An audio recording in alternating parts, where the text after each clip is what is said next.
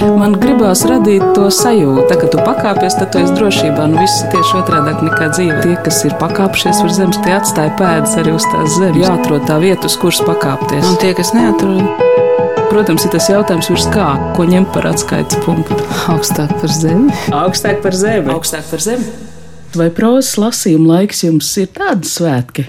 Es īstenībā pirmoreiz piedalīšos prozas lasījumos. Ir tā, ka es iepriekš tiešām es īstenībā nesapratu, priekš kam vajadzīga prozas lasījuma. Jā, ir forši, ka cilvēki satiekās, ir cilvēki lasa viens otram, bet es tomēr dodu priekšroku lasīt pati, ne tam, ka kāds man lasa priekšā.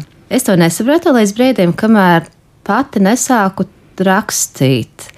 Jo, redziet, es esmu pavadījusi diezgan daudz laika uz skatuves kā mūziķe. Tur ir noteikti ārprātīgākā enerģijas apmaiņa. Nu, principā, tu uzlādējies koncerta laikā. Tu uzraksti romānu, atdod, un viss, un tu paliec viens reāli. Tur kāds viens, divi cilvēki kaut ko pateiks, bet tu tāpat sēdi tāds viens pats ar to savu uzrakstīto stāstu, un tāda riktīgākā nepabeigtības sajūta ir. Un tad es sapratu, to, ka, ej, pēc es beidzot saprotu, kāpēc tas prozas lasījums vajag, lai vismaz kaut kāda enerģijas apmaiņa notiek. Ka kāds tevi arī dzird, kad nav tā, ka tie tavējie vārdi aiziet kaut kur pilnībā izplatījumā un pazūd. Esiet sveicināti! Rakstniece Džēna Steinberga. Pagājušajā gada beigās viņa debitēja ar savu pirmo grāmatu Lasītāja. Romāna darbība notiek nākotnes pasaulē, kurā cilvēks spēja iegaumēt, apstrādāt informāciju, tagad paplašināta, iebūvējot viņas smadzenēs gudro mašīnu detaļas. Šai tehnoloģiski attīstītajā pasaulē grāmatu lasītāji ir profesija. Elitārā kastā ieskaitīti cilvēki, kas izlasa milzīgu daudzumu informācijas, lai no šī zināšanu blāķa izvilktu klientam noderīgāko. Mans vārds ir Anna Bušvica. Un toreiz, lasot daudz kas no rakstnieces radītā, man likās bīstam tuvs īstenībai. Jo nākotnes lasītājs līdzinieks jau mūsdienās ir vai katrs augstskolas pasniedzējs, kurš sagatavo tēmu izvilkumu saviem studentiem, arī grāmatu daudzlasīšana jau šobrīd ir kas elitārs. Džēnu Steinbergu gribēja intervēt pēc grāmatas iznākšanas, taču par šo manu nodomu tagad man atgādināja decembra sākumā notiekošais festivāls Prozas lasījumi. Aktuālais iemesls mūsu sarunai šogad pirmo reizi festivāla ietvaros notika konkurss pandēmijas laika stāsti. Pieci labākie lasīja savus stāstus tiešsaistē, arī Džēna Steinberga. Esmu ļoti, ļoti priecīga un pagodināta būt starp tiem pieciem laureātiem. Bet jā, par to, ka vai es tiešām prozas lasījumus gaidu kā tādus svētkus, jā un nē, jo es vēl nezinu, kādas man būs ar šo pasākumu miedarbība. Bet tepat laikā man šķiet, ka rosīga literārā vide dažādi konkursi varētu būt jums svarīgi, jo gal galā arī literatūrā nonācat tieši caur konkursiem. Jā, jo rakstīts bija ļoti, ļoti daudz. Nu, es esmu rakstošā žurnālists, tomēr 11 gadus rakstīju Latvijas dienu un daudziem citiem izdevumiem. Man liekas, tie konkursi svarīgi bija tāpēc, ka tā bija diezgan droša iespēja. Tad, kad es piedalījos pirmajā zvaigznes fantāzijas un fantastikas stāstu konkursā, tas jau bija pirms cik astoņiem gadiem, laikam. Tas bija īstenībā pats pirmais darbs literatūras žanrā, ko es uzrakstīju, tie zilie jūras vērši. Un tam bija tāda pilnīga atbildība. Es viņu aizsūtīšu, un, ja būs pilnīgs mēsls, neviens nezinās, kas viņam aizsūtījusi. Nu, jā, tādā ziņā ir labi. Fantāzija un fantastika. Latvijā nepārāk eh, daudz literatūrā kopta joma. Eh, izdevniecības zvaigzne ir nu, uzņēmusies eh, to iedēstīt arī Latvijas augsnē. Un tāda Prometējs dara ļoti daudz, lai pasaules klasikas, fantāzijas, fantastikas darbus atrastu līdz lasītājiem. Es Satori aplūkoju jūsu profilu, kuru jūs esat tādā interesantā kleitā, tādā apmetnī ar kapuci. Un... Tā ir man kāzu kleita. Bet jūs nesat piedalījusies, nu, ir taču kaut kāda klārpi? Nē, es sen, sen senos laikos, tas bija vēl 2000. gadu vidū, esmu piedalījusies viduslaika rekonstrukcijas klubā. Bet tā kā tīri fantāzija tērpos dzenāties ar zobenu pa mežu, nē, nē, nē, nav, nav bijis mans. Bet tā estētika ļoti tuva arī tāpēc, ka es pieminēju, esmu arī mūziķe un mana vīra grupā spēlēja taustiņus. Mūsu žanrs ir simfometāls, simfoniskais metāls, kur nu, skatuves kanons paredz jau lielās graznās klētas dāmām atsevišķos gadījumos. Nu, ja jūs otrais Ocean Pass pieminat, tad nu, lūdzu arī pastāstiet mazliet vairāk. Mūzikas žanrs ir simfoniskais metāls. Kas tieši īstenībā tā arī ir, kā viņš izklausās. Tur ir metāla mūzika apvienojumā ar simfoniskās mūzikas elementiem. Grupa pastāv no kaut kāda. Viņa bija arī pirms manas pievienošanās, es pievienojos 15. gada beigās. Izdevām divus albumus. Pirmais bija tā kā simfoniskais folkmetāls, kas ir absolūti iedvesmojies no latviešu folkloras, kur ir oriģināla mūzika ar latviešu tautas dziesmu ar dainu vārdiem. Tas ir albums elementi, kas ir latviešu valodā. Viņš ir tāds varbūt dzīves priecīgāks un dzīve apliecinošāks un varbūt arī vietējai publikai saprotamāks. Savukārt otrais albums No Man's Land viņš ir Viņš ir diezgan tumšs īstenībā. Tur ir diezgan daudz dēmonu nākuši ārā, man liekas, no visiem iesaistītajiem. Viņš ir vairāk tā kā pēc klasiskās simfoniskā metāla žanra kanoniem tapis, un viņš jau ir nedaudz citādāks. Tā kā man liekas, drošāk būs sākt ar elementiem. Par debijas albumu smagā metāla un roka žanrā bijām arī nominēti zelta mikrofonam. Pagaidām grupa ir uz radošās pauzes ģimenes apstākļu dēļ, jo ar mazu bērniņu apvienot koncertu darbību un mūziku ir diezgan neiespējami. Ar, ar mazu bērnu mājās var labākajā gadījumā tikai parakstīt tekstus. Tur dzied arī kāda sievietes balss. Tā ir, tā ir Laima Krīgere, mūsu bijusī vokāliste. Viņa vairs Latvijā nedzīvo un attiecīgi ar sadarbību īstenībā nespēja.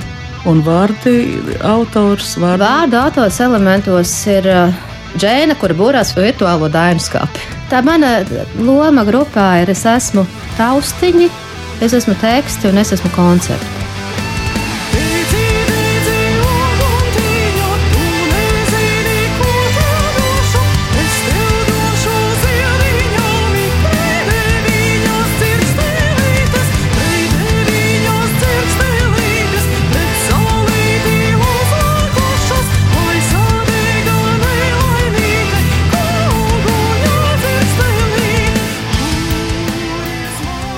Kas jūs piesaista folklorā? Nu, tas ir tāds žanra prasība, ja tā ir arī jūsu prasība. Nē, tas ir interesanti. Te, kas sāk iedziļināties, tu īstenībā atrodi, ka caur tiem mazajiem tekstiņiem, caur tām mazajām dziesmām, tur principā nolasīt, kas tiem cilvēkiem ir bijis svarīgs. Saprast to, ka viņi bijuši tieši tādi paši kā mēs, nav tā, ka visi kalnā kāpu gavilēju, vilainīti saulē zibinādama. Nu, nevēlna tāpat tās kašķējušies, krāpušies un darījuši visādas lietas. Plus vēl ļoti smūgs caur dainām nolasās cilvēka dzīves ritms. Vēl man liekas, ka vismaz tas, kas atnācis līdz šodienai, ka tur bija tāda ļoti iekodēta tāda forša īpašība par sevi pasmieties arī. Neuztvert sevi pārāk nopietni, ko mēs, diemžēl, pēdējā laikā pārāk aizraujamies. Strādājot laikrakstā diena, jūs bijāt Briselē. Tad dienā man tur bija tas izaugsmes stāsts, izaugsmes stāsts. Rakstīju sākumā par kultūru, nedaudz mūziku, tad tālāk no mūzikas aizgāju uz ekonomiku, biznesu, un tad kaut kā tā sabiedrības. Es nebiju Briselē rezidējošais žurnālists, es regulāri tur lidoju. Par ko tur bija jādomā? Vai... Par Eiropu. Es atceros stāvu ar tā brīža dzīves biedru. Viņš stāv virtuvē vakarā mazgāja tur augus. Viņš kaut ko prasa par budžeta automātiski atbild 7,8 miljārdi. Viņš teica, Džēnā, es par ģimenes budžetu, cik mums ir atlicis līdz mēneša beigām. Tad, ah, Džeina Tamuleviča, jā, ar šādu uzvārdu parakstīti raksti atmiņā tagad nostājas man acu priekšā. Džeina maina uzvārdus, profesijas, radošās izpausmes jomas. Viņa ir pabijusi atbildīgos amatos, vadoša laikraksta redzama žurnāliste, savulaik premjerministrs Laimdots Straujums preses sekretāri, un turpat līdzās nostājas Džeina, rakstniece, mūziķe, neierobežotas fantāzijas pasauļu valdniece, trakulīga savās izpausmēs. Kādā senākā viņas intervijā žurnālam OK atrodas ziņa, ka skolas laikā Džēna Steinberga esot bijusi teicamniece. Es biju tā sauktais brīnumbērns, uzreiz sāku iet otrajā klasē, turklāt tas notika piecu gadu vecumā, ar visām no tā izrietošajām sekām. Es biju bērns, kurš nebija gājis bērndārzā, dzīvojies mājās, burtus zināja kopš divu gadu vecuma, tekoši lasīt četros. Tikpat viegli viss padevies muzikas skolā tālāk tālāk jau studējot, un man vispār šī doma aizrauja. Laba izglītība, kā iespēja izdarīt pietiekami daudz izvēles dzīves laikā, tikt galā arī ar pretišķībām pilnu pieredzi. Prātoju, kā savus pārdomas kompresēt jautājumā, un pajautāju, ko pavisam vienkārši. Kāpēc Džēnai Steinbergai ir tāda vajadzība šad un tad uzvilkt cita laikmeta tērpu? Vienkārši patīk. Vienkārši, man, nu, vienkārši patīk lietas. Patīk siluets, patīk krāsa un um, lai aiziet. Izglītot cilvēks var izvēlēties, kurā gadsimtā, laikmetā.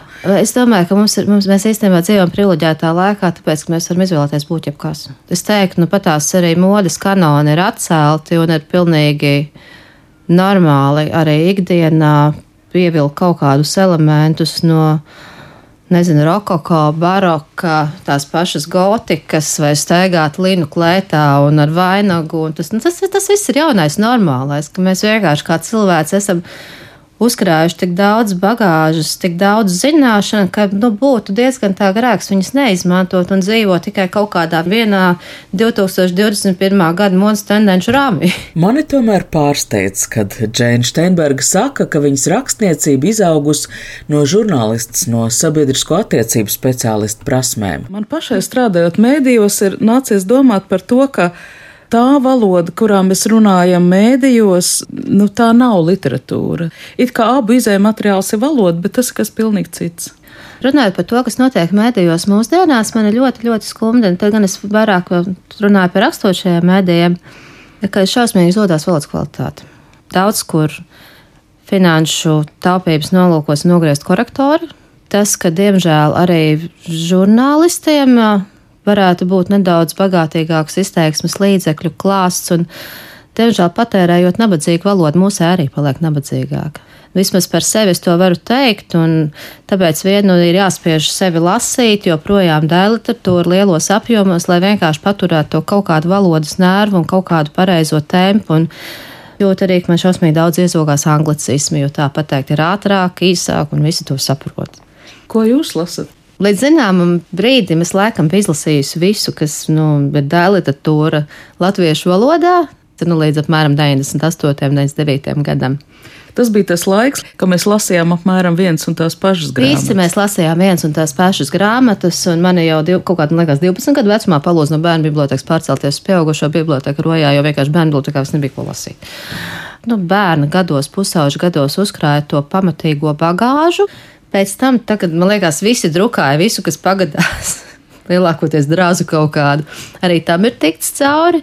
Nesen es nospriedu to, ka es esmu pietiekoši vecs un pietiekoši daudz izlasījis, lai varētu turēt savā grāmatplauktā tikai to žanru, kas man patīk. Un ir tā, ka manā lielajā grāmatplauktā šobrīd praktiski tikai fantāzijas un uh, sēfē grāmatas.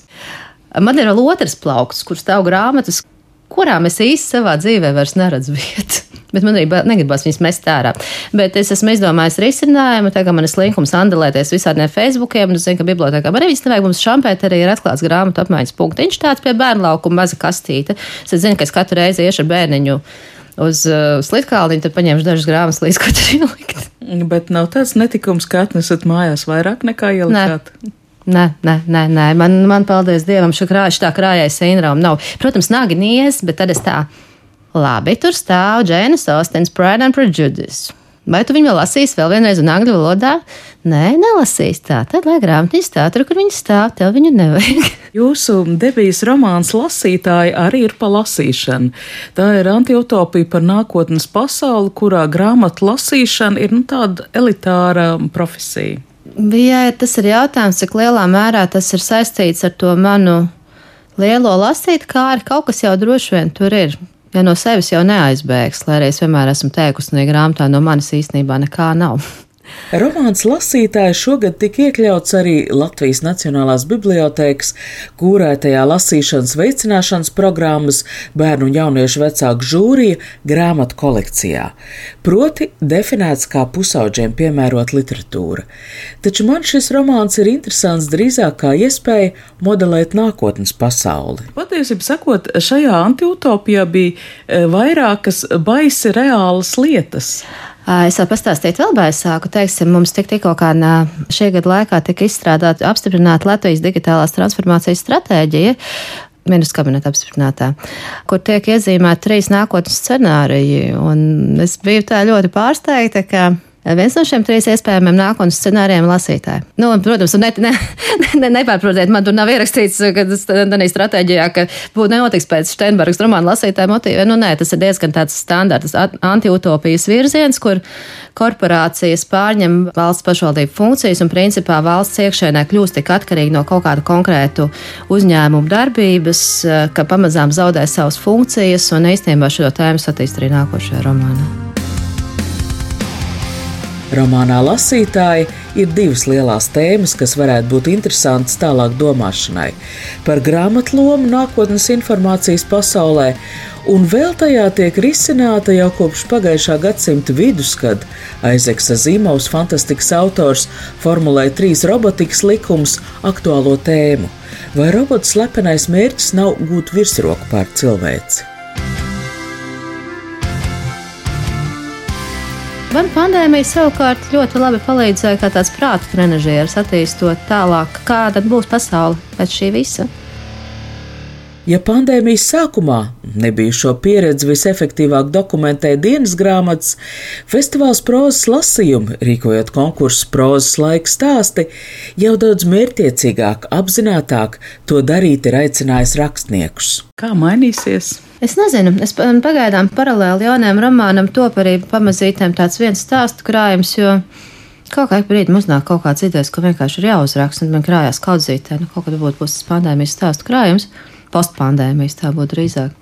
Man viens no scenārijiem ir, ka mēs pieradīsim iet reizi gadā uz pāris mēnešiem lockdownā kas būs tāds standarts, tāpat kā skolēna brīvlaiks. Man nepatīk atzīties, bet šoruden es kārtējo lockdownu pēc vasaras rosības pat mazliet gaidīju. Pēdējo gadu pieredze šādus intensīvi introvertos periodus šķiet ir padarījusi par nepieciešamību. Tas ir labi vai slikti? Es saturēšos no šāda vērtējuma. Man liekas, vienkārši, nu, tā, kā ir, tā ir. Nu, redz, kā ja tajā brīdī, kad es pasaku, ka ir slikti, tad uzreiz pieņemu, ka es dzīvoju situācijā, kur ir slikti. Tad brīdī, kad es neļauju sev uzlikt to kaut kādu nosaukumu, lūk, tagad man ir slikti, tad, nu, tad nav slikti. Prozas lasījuma konkursa pandēmijas laika stāsti izskanēja autora lasījumā festivāla laikā. Lasījuma arhīvs daļai ir atrodams prozas lasījuma mājaslapā. Džēna Steinberga pērētava. Sakiet, jūs vienmēr terpties melnā vai šodien tā ir sagadīšanās? Aģentūras īpašniece pētījoši pārlaida skatienu Alises vienkāršiem pikškustīmam. Alisē plaukstas kļuva nodevīgi mikls. Šis bija viņas prāta elegantākais apģērbs pašas drēbes kapī, kas, jā, atzīsim, ar krāsu pārbagātību kopumā lepoties nevarēja. Vai melnais būtu kļūda? Kad mēs runājām intervijā, jūs teicāt, ka jūs tepat vien strādājat vecrīgā. Jā, sabiedrisko attiecību birojā. Kas ir rosinoši tuvu tam, kas notiek stāstā bērētavu. Stāsts bērētavu izaug no viens mūsu sapulces darbā. Es veidoju laikmatīgo pasākumu aģentūru. Tā vienlaikus nodrošinās pēcnāvas publicitāti. Piesaistīsim bērnu influencerus. Izstrādāsim bērnu apģērbu dāmām. Es domāju, mirušām dāmām. Man jau nosaukums padomā - Vēlēna kleita. Autortiesības par nosaukumu sakārtosim, tāpat neviens vairs dzēju nelasa. Arī lasa, saprot, šodien viss ir par un ap publicitāti. Kad atkal atjaunos ierobežojums arī bērniem, mēs nodrošināsim tiešraidus no ceremonijas. Attēlinātās bērnas var iedomāties. Es pati brīnos, kā vēl nevienam šis nav ienācis prātā. Mīlestību attēlināto bērnu viesiem piegādāsim ar voltu. Būs arī vegetārās un vegānās opcijas. Izvadīšanai piesaistīsim televīzijas personības. Re, Pazīstamais TV žurnālists Raivis Ziediņš Twitterī nesen rakstīja, ka nu jau esot gatavs vadīt arī bērns, ne tikai kāzas. Radīsim jaunu influenceru kategoriju - bērnu ietekmeļus, ar kuru palīdzību veidosim izpratni par bērnu stilu. Un vēl man interesi aizķēra tas, ka to, ko nodarbojas ietekmeļi, to, ar ko, nu, zināmā mērā, nodarbojas arī sabiedrisko attiecību veidotāji, cik ļoti ir ar prātu izrēķināms, kāda būs reakcija un kādu soļu jāspēr, lai tā reakcija būtu tāda vai šāda. Faktiski tā ir stāstā tā joma, kas tiek pārkāpta, ka vienkārši šī, nu, labi zināmā patiesība tiek attiecināta uz tādu jomu kā bērs. Principā, jā, tas ir normāls sabiedrisko attiecību kampaņas scenārijs. Vienīgais parādās tas ētikas jautājums. Bet eh, es teikšu, godīgi, nedod ne pieci, ka parādīsies tāds servis. Melni, bet jā. Melnais humors. Dāmas, atvainojiet, jums ir jābeidz saruna. Cilvēki jau pie pilsētas pulcēties. Kristiāns atturīgi ierunājās. Santa, mums jāiet. Vēl jāpagūst plakāts izvēlēties. Alis jautājoši pacēla uzaci. Pie pilsētas pulcēties? Antivakcēt pasākumā? Protams, mums jābūt pārliecinātiem, ka pēc bērētavas pakalpojumiem būs gana liels pieprasījums. Es taču teicu, krīze ir iespēja, un pandēmija ir mūsu lielais lēmests. Sekojošā raidījumā ieskatīsimies, kādām tēmām pievērsās pandēmijas laika stāstu autori Dzinters Kmiļevskis. Esi uzticīgs līdz nāvei, tad es tev došu dzīvības vainagu, ticēt un būt pacietīgiem. Neviens nesaka, ka tas ir viegli. Zintāra Miļevska stāsts pirmā advente ir par kādu sludinātāju, kurš tiešsaistē lasa draudzēs prediķi. Viņa pienākums ir teikt spēcinošus vārdus ļaunās pasaules nogurdinātajiem, bet dzīve izrādās sarežģītāka. Pabeidzis tēvreizi, Eižens izslēdza video tiešraidi, aizvēra portatīvo datoru un vienā rāvienā iztrieca sarkanvīna glāzi, kas visu šo laiku bija stāvējusi turpat rokas stiepiena attālumā un atgādinājusi, ka viņas prediķim par ticību un pacietību ir arī kāds taustāms un pavisam reāls segums. Eižens aizvēra acis un izbaudīja, kā caur viņa dzīslām izlīst dieva mīlestība.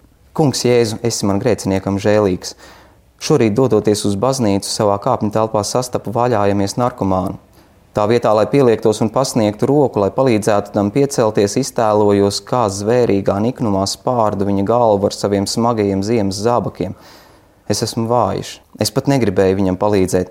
Kādēļ šajā laikā, kad cilvēkiem tik ļoti vajadzīgs stiprs plecs, uz kura atbalstīties un izsūcēt bēdas, tu man pašam uzliec šādus pārbaudījumus? Kādēļ vājš kļūst tas, kuram jābūt stipram? Kādēļ akls kļūst tas, kuram jārāda ceļš citiem? Kungs, Jēzu, palīdzi man! Citādi šī adventa būs pilnīgā dirsā. Cilvēks, kurš prot rakstīt, apzinās, ka viņš var arī e, spēlēties ne tikai ar burtiem papīra lapām, bet arī ar sabiedrības domām. Jā. Kā jūs pret to izturaties? Mēs visi viens otru ietekmējam katru dienu. Vienam tā balss ir skaļāka, otram tā balss ir mazāk skaļa.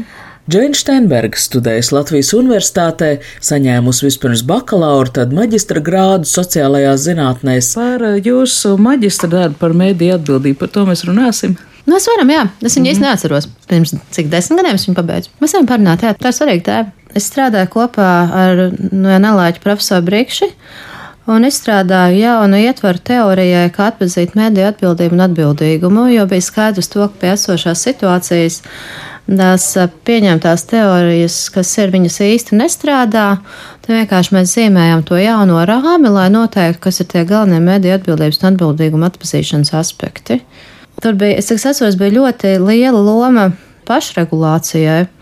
Arī atceros, ka tolaik viens no ieteikumiem bija izveidot profesionālo žurnālistu organizāciju, jo tolaik bija tikai žurnālistu savienība.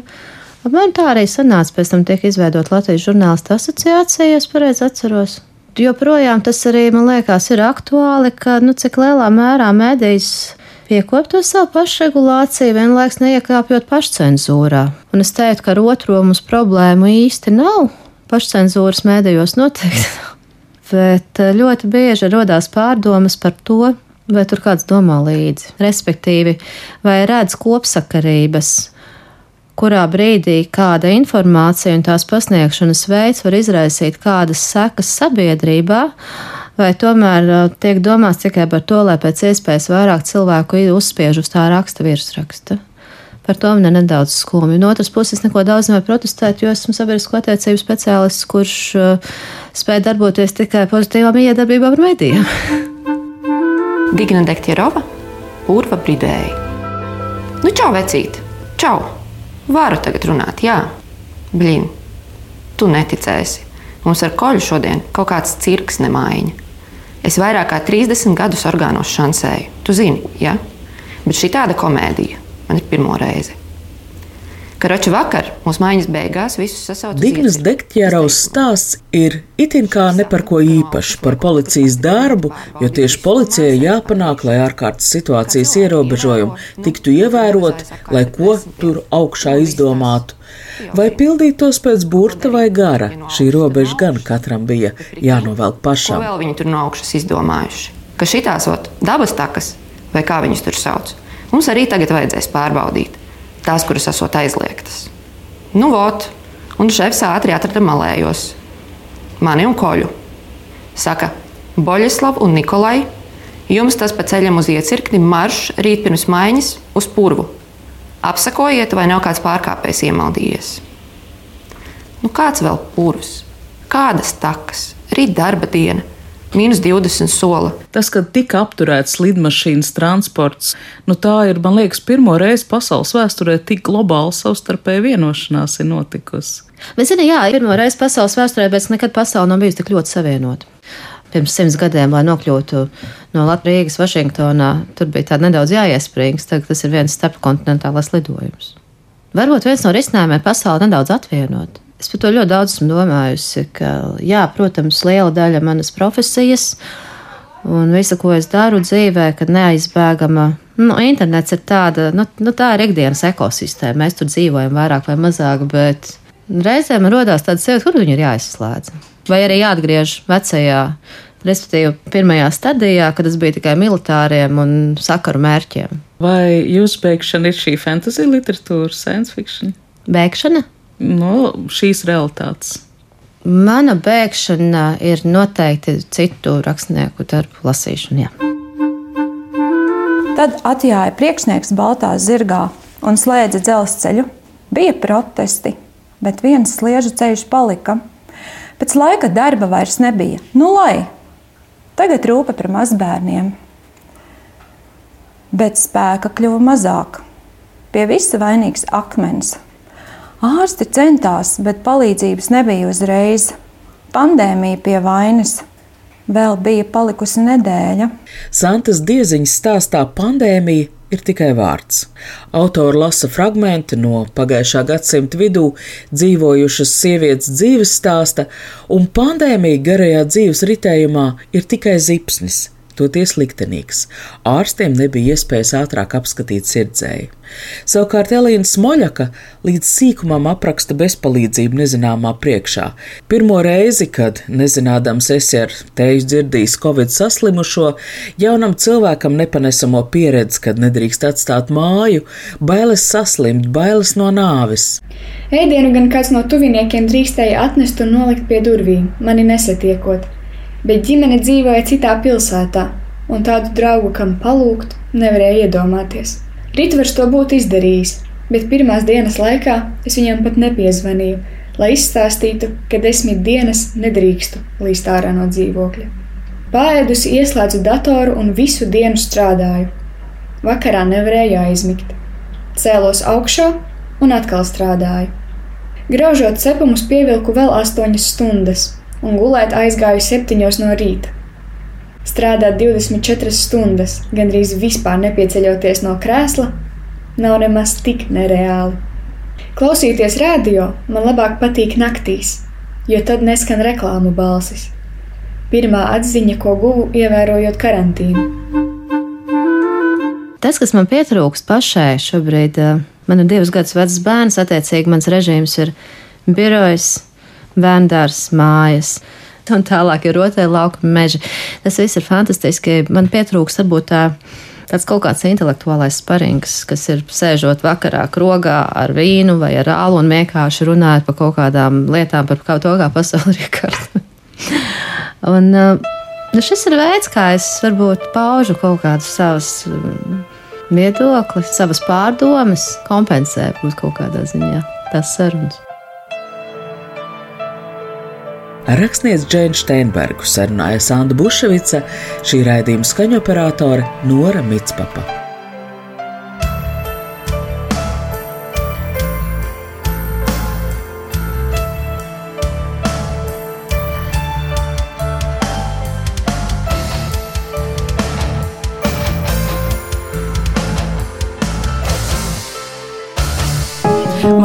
Gribās radīt to sajūtu, tā, ka tu pakāpies, tad tu esi drošībā. Nu, viss ir tieši otrādi nekā dzīve. Tie, kas ir pakāpšies uz zemes, tie atstāja pēdas arī uz tās zemes. Jāatrod tā vieta, uz kuras pakāpties. Un tie, kas neatrod, Protams, ir tas jautājums, virs kā, ko ņemt par atskaites punktu.